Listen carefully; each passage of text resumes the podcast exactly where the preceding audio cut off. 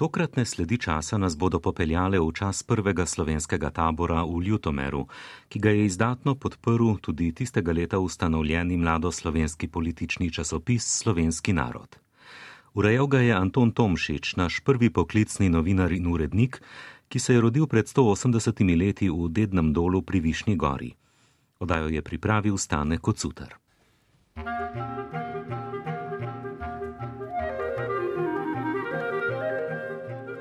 Prirejanje množičnih političnih in kulturnih zborovanj na prostem na slovenskem v letih od 1868 do 1871, tako imenovano taborsko gibanje, je bilo za slovence zelo pomembno.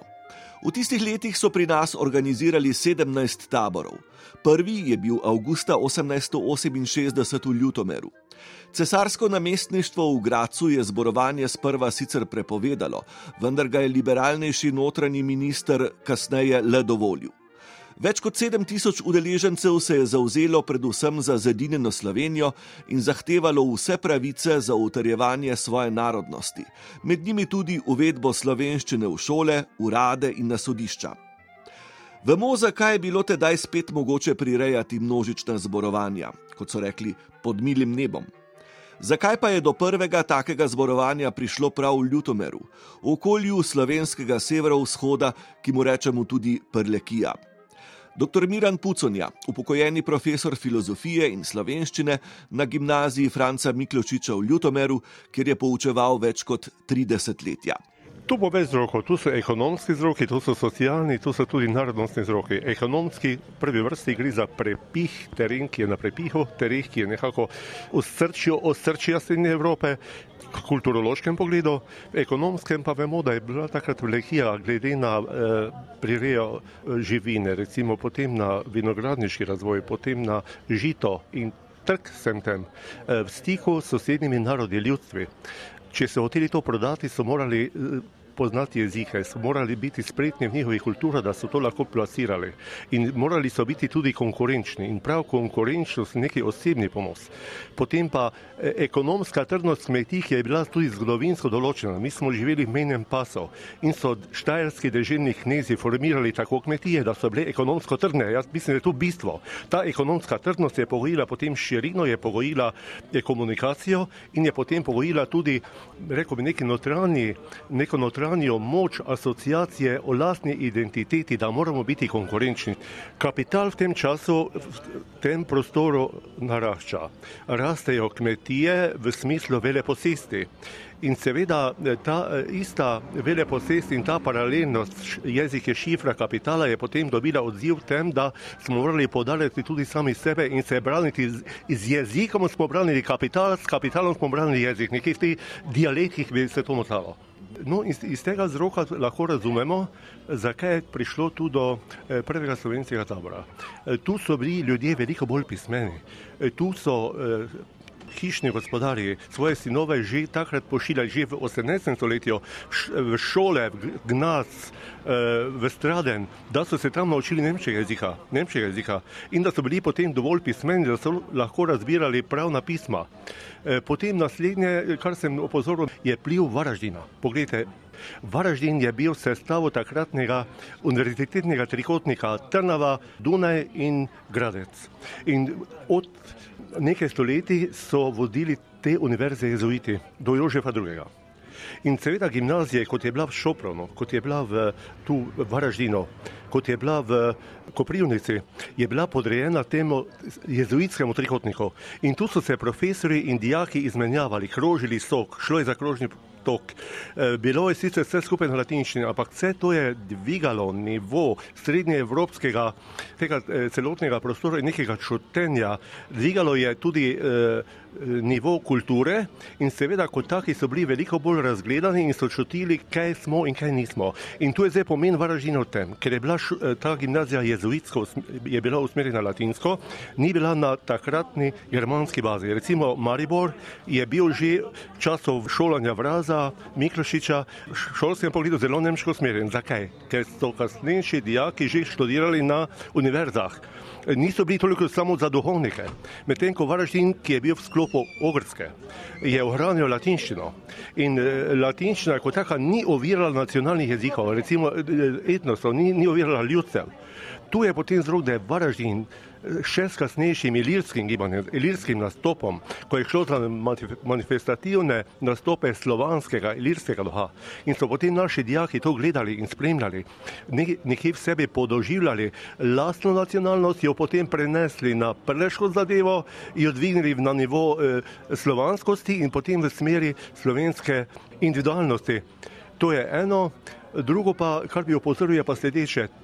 Avstrija, stara Avstrija, feudalna Avstrija je ohranila tako zvano feudalno nacijo. Kaj to pomeni? Feudalna nacija je bila državna nacija, ki je sicer imela državni jezik nemščino, ampak ni pa motila, moram posebej povdariti, etnosov, mađarskega, slovenskega, hrvaškega, slovaškega. Tako da so se ta ljudstva nekje v sebi ohranjala in v bistvu je Avstrija kot taka na nek način ohranjala. Na eni strani je bila vest teh ljudstev, po drugi strani pa je ohranjala ta ljudstva. In ta kohezivna vloga zopet ni bila tako tlačiteljska, kot jo poznamo po letu 848, ko pride do pojava nacionalizmov. To je zdaj treba zelo strogo ločiti. Čim pride do mačarskega nacionalizma, potem seveda se sprostijo ostali nacionalizmi, ki vemo, da so odgovorna pan-germansko idejo, kar je bilo zelo normalno. Ampak mi moramo tu časovno, sinhronično zelo eh, diferencirati zadeve. Avstrija pred letom 848 je nekaj drugega kot pa dejanski nacionalistični pritisk po letu 848 in tudi ekonomski pritisk, ko so liberalci prevzeli oblast in so sprostili, eh, sprostili so davke, sprostili so določene zakone, ki so šli na mlin slabšanja kmečkih gospodarstev in tudi na način slabšanja takratnega slovenskega in nacionalnega in gospodarskega statusa. In nehoti še tole bi morali dodati, da prvi slovenski tabor, makar tako radi podarjamo, ni samo izrazit podarek na to, da pride slovenska, eh, slovenski jezik šole, v urade, v cerkve, ampak enako gospodarstvo. Takrat so kmetije na veliko propadale. Ravno liberalizem, ta sprostitev liberalizma, tisti čas, ki je bil pozitiv nemškega liberalizma, pomeni smrtno obsodbo za takratno celotno svojsko gospodarstvo. In šele ko je prišel na oblast Tafe, sicer konzervative Tafe, je lahko te zadeve uredil in eh, da se vrneva nazaj prvi slovenski tabor, enako podarja pravičnost jeziku, je zelo, zelo podarja tudi kasneje na besedah, ki so še kasneje sledili po taboru, da je nujno urediti gospodarstvo, ker je bilo tik pred propadom in slovensko in avstrijsko.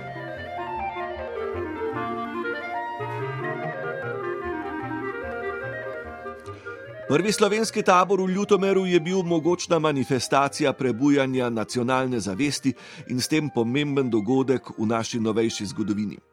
Tudi dr. Felix Bister, zgodovinar z Dunaja, trdi, da je bila podlaga za njega ustvarjena že dve desetletji prej, v pomladi narodov in gibanju za Zedinjeno Slovenijo.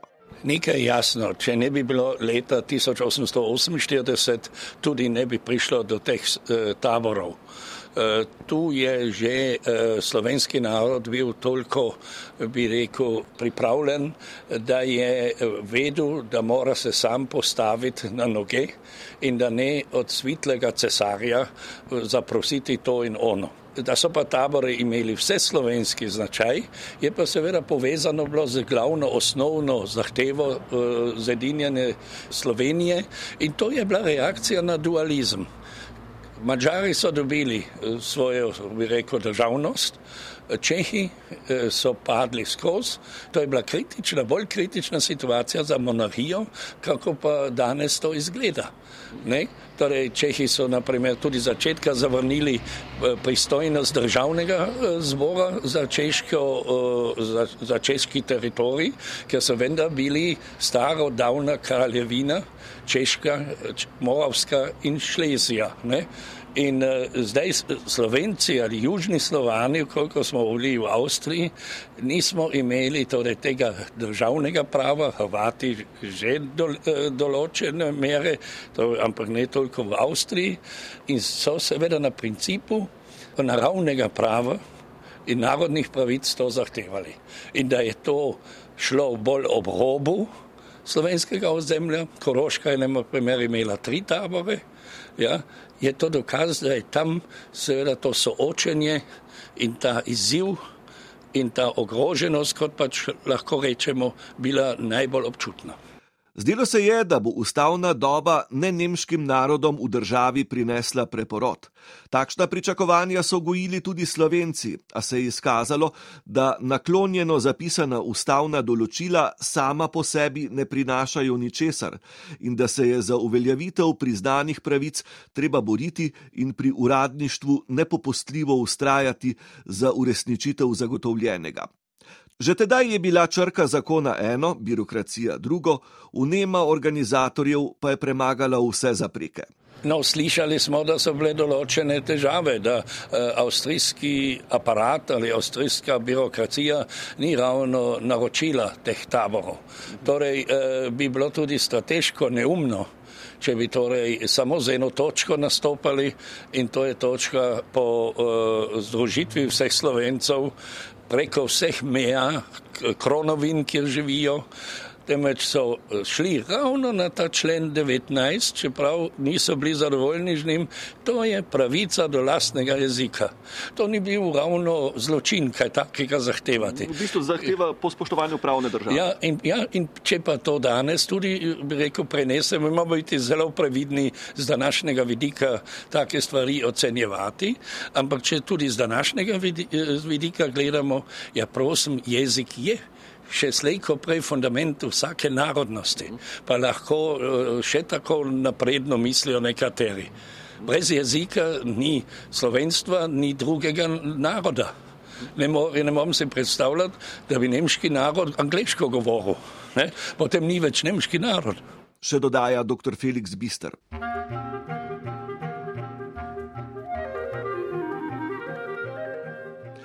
Čas reform v monarhiji se upada tudi z začetkom izhajanja dveh časopisov: Slovenskega gospodarja 1867 in Slovenskega naroda leto pozneje. Oba sta v promociji narodno-povezovalnih procesov tedanje dobe odigrala pomembno vlogo.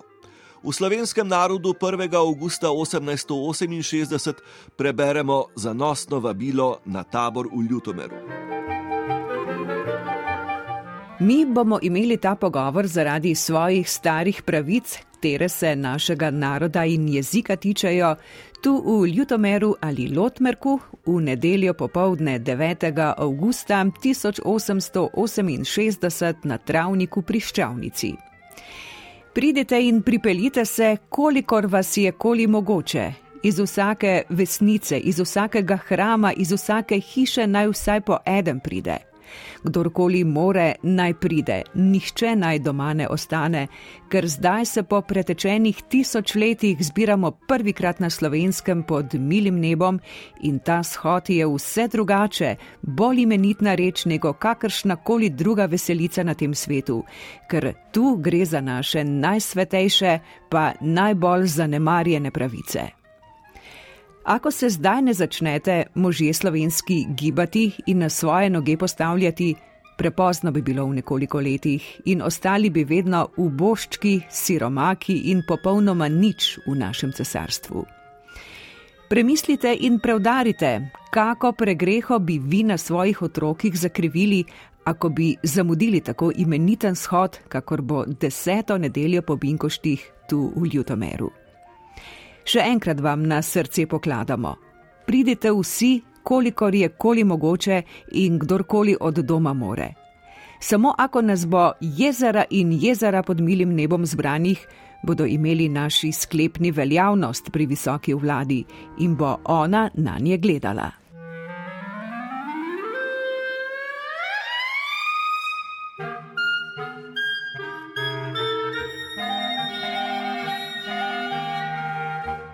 Tudi zato ne smemo mimo spomina na pomembno vlogo časopisja in na urednika slovenskega naroda Antona Tomšiča, ki ga štejemo za prvega slovenskega poklicnega častnikarja.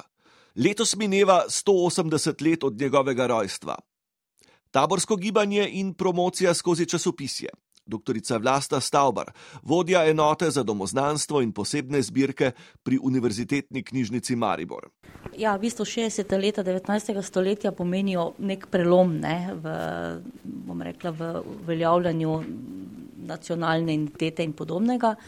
In v bistvu taborsko gibanje, kjer so naprimer mladoslovenci začeli prevzemati na nek način pobudo, eh, je bilo treba tudi narediti nekaj na publicistični ravni. In ravno slovenski gospodar in Blajvaj s svojimi novicami sta bila nekako premalo, zato so mladoslovenci nekako začeli eh, z izdajanjem časopisov in tako je prišlo tudi do ustanovitve, če rečem, slovenskega naroda v Mariboru. In sicer mladoslovenci, ki so bili v Mariboru, torej štajerski rodoljubi, so se nekako odločili, da prično z izdajanjem tega časopisa, vendar ga nekako pogojevali tudi z ustanovitvijo svoje tiskarne. Zato se jim je zdel zelo primeren mlad Anton Tomšič, študent prava v Gracu, ki je že tam imel ene izkušnje z izdajanjem revije Čitalnica, ki jo je izdajal Gršak in na pobudo Ferdinanda Dominkoša, uglednega mariborskega odvetnika za svojo pisarno v mestu, na njegovo povabilo je prišel v Maribor. In v bistvu so mu Matija Prelog in ekipa, ki je takrat delovala z Sernicem in še drugimi, nekako uh, mu zaupala uh, urednikovanje slovenskega naroda. Pripravili so natančen program, osnutek in Anton Tomšič, ki je bil zelo natančen in skrbel za dober slovenski jezik, pravzaprav je začel z delom. In tako je 2. aprila 1868 išla prva številka slovenskega naroda. Ni pa še prišlo do ustanovitve uh, lastne tiskarne. Ta se je zgodila nekaj let kasneje. Tomšič si je zelo prizadeval, da bi do te tiskarne prišlo, se tudi povezal s svojim prijateljem in potem, ampak žal ustanovitev tiskarne ni dočakal. Tudi sam je veliko pisal slovenski narod in potem je seveda se temu urednikovanju eh, pridružil tudi Jurčič, ki je prišel iz Graca v Maribor in potem so nekako pač izdali ta časopis, vendar že na svoj 29. rojstni dan je Tomšič umrl in ta njegova zgodba se zelo hitro zaključila in potem eh, še v istem letu oziroma kasne, mal kasneje se potem preselil slovenski narod v Ljubljano.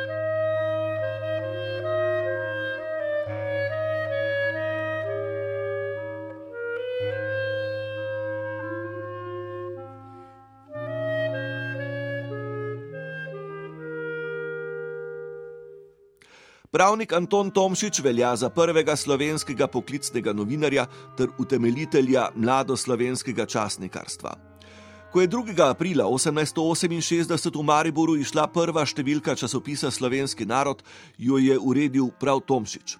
Zadnje veljalo, da je zavračal oportunizem, omahljivost ter nemškuterstvo in si kljub stalnim finančnim težavam časnika nenehno prizadeval razširiti krog dopisnikov in sodelavcev.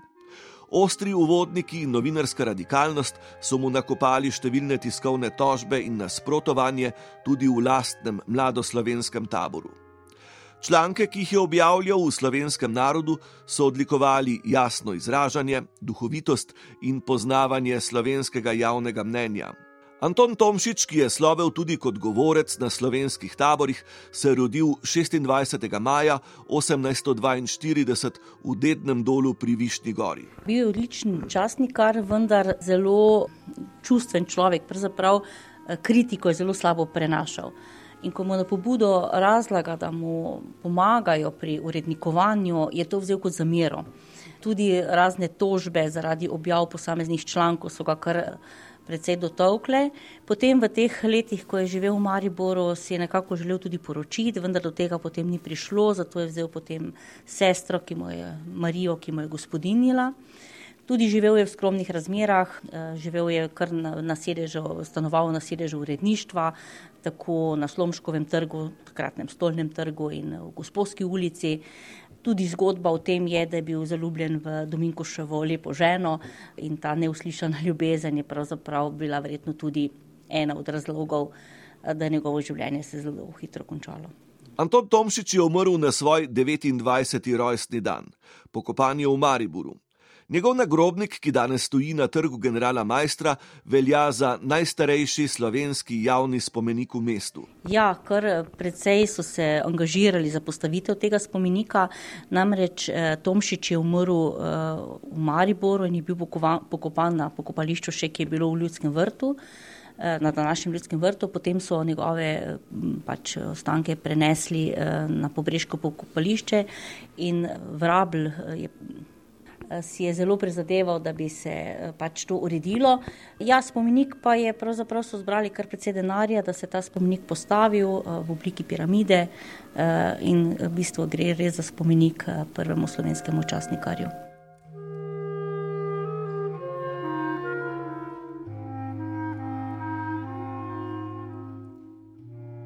Ob tem pa ne gre spregledati pomena, ki so ga imela univerzitetna središča tedanje dobe. Narodna zavest in znanje sta šla uspešno z roko v roki. Ja, pravzaprav so tale eh, slovenska intelektualna središča, kot so bila v Gracu na Dunaju, bila pravzaprav tisto središče, odkuder so ti ljudje prihajali in se vračali eh, na slovensko ozemlje eh, in tukaj potem pravzaprav že svoje izkušnje, ki so jih tam v raznih slovenskih društvih pravzaprav gojili, prinesli sem. Eh, hkrati pa treba povedati, da tam leta 60 se začnejo ustanavljati tudi čitalnice po slovenskem, kar veliko jih je bilo, ki so pravzaprav bile središče oziroma jedro, odkudar eh, je izhajalo, da je treba skrbeti za slovenski jezik, podarjene slovenščine. To je eno, drugo pa uh, leta 1861 na prvih volitvah še ni bila ustanovljena slovenska oziroma je bila že ustanovljena neke vrste slovenska stranka, ki pa seveda ni doživela nekih uspehov, šele potem leta 1867 uh, je prišlo do večje, bom rekla, uh, udeležbe in tudi um, Slovenci so takrat dobili v Krajnskem državnem zboru večino. Tako da ta politična diferencijacija je bila na eni strani tista, ki je potem prinesla, eh, pa seveda hkrati tudi zakonodaja, ki je omogočala, da se ustanavljajo društva, eh, kar je bilo pravzaprav pogoj potem tudi za vso nadaljno, torej tudi za tabore, ki so nastajali po eh, vzoru, bom rekla, Češke, ne, ker v 1867 je takrat tudi Češka na svojih teh zborovanjih pravzaprav taborih zahtevala, da se pač Češka ima enako vlogo, kot je imela naprimer Ogrska ne, v okviru podualizmu. Tako da vsa ta zborovanja, vse to je pravzaprav prineslo eh, željo po čim večji uveljavitvi slovenskega jezika na eni strani, pa v bistvu ideja o zedinjeni Sloveniji je bila zopet v spredju. Za uh, izražanje želje, hotenja, kar se je potem na taborih, v teh velikih zborovanjih pravzaprav tudi izkazovalo. Ne. Kar nekaj, mislim, da šest točk, koliko je vsaka ta resolucija vsebovala, kjer so pač eh, posebej podarjali o uporabi slovenskega jezika, tudi kot uradnega jezika. In program Zeline Slovenije je bil na vseh teh taborih pravzaprav v spredju. Organizacijski vzori delovanja, predvsem v društvenih okvirih slovencem tedanje dobe, niso bili tuji.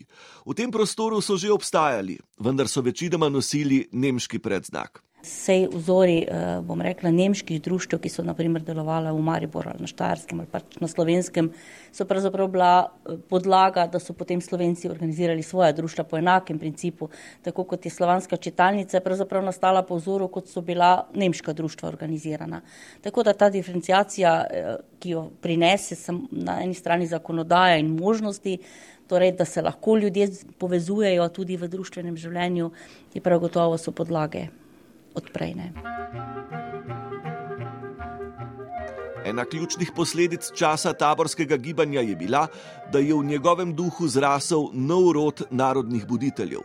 Literatov, uradnikov, duhovnikov, učiteljev, vojakov, politikov in drugih, zaradi katerih ni bilo več povratne poti v 60-ih letih grozečo narodno pogubo.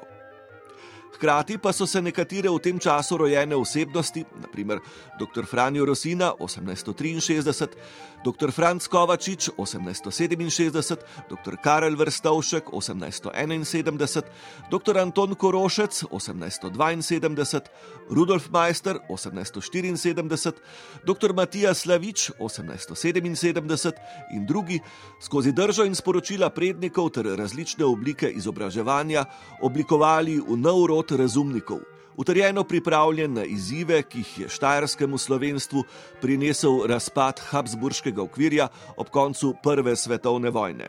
Prav gotovo so ti posamezniki bili tisti, ki so pravzaprav bili gonilo tega razvoja in organiziranje družbe, tako z ustanovitvijo posameznih muzejev, inštitucij in vsega ostalega, kar je izhajalo iz teh osnovnih društv, tako kot slovanska čitalnica, ki je dala podarek slovenskemu jeziku in nekaj, ne vem, na eni strani tudi ustanavljanju knjižnic, pa gledališki dejavnosti.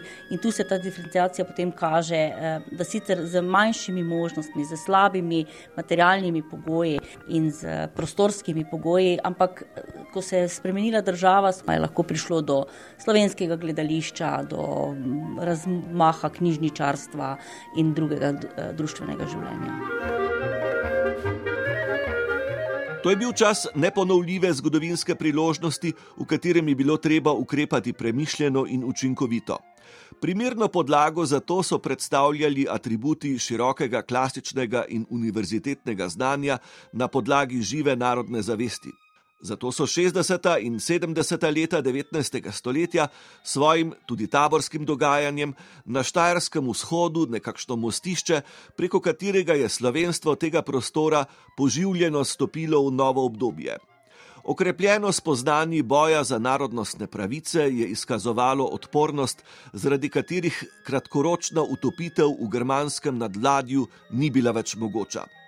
Tako utrjena narodna zavest na Štajerskem je tudi po letu 1918 predstavljala dobro popotnico skozi preostanek burnega 20. stoletja.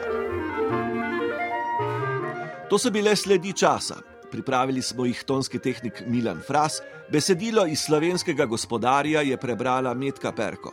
Odajo, ki lahko ponovno prisluhnete v podkastu ali na spletni strani prvega, sem pripravil Stane Kocutar.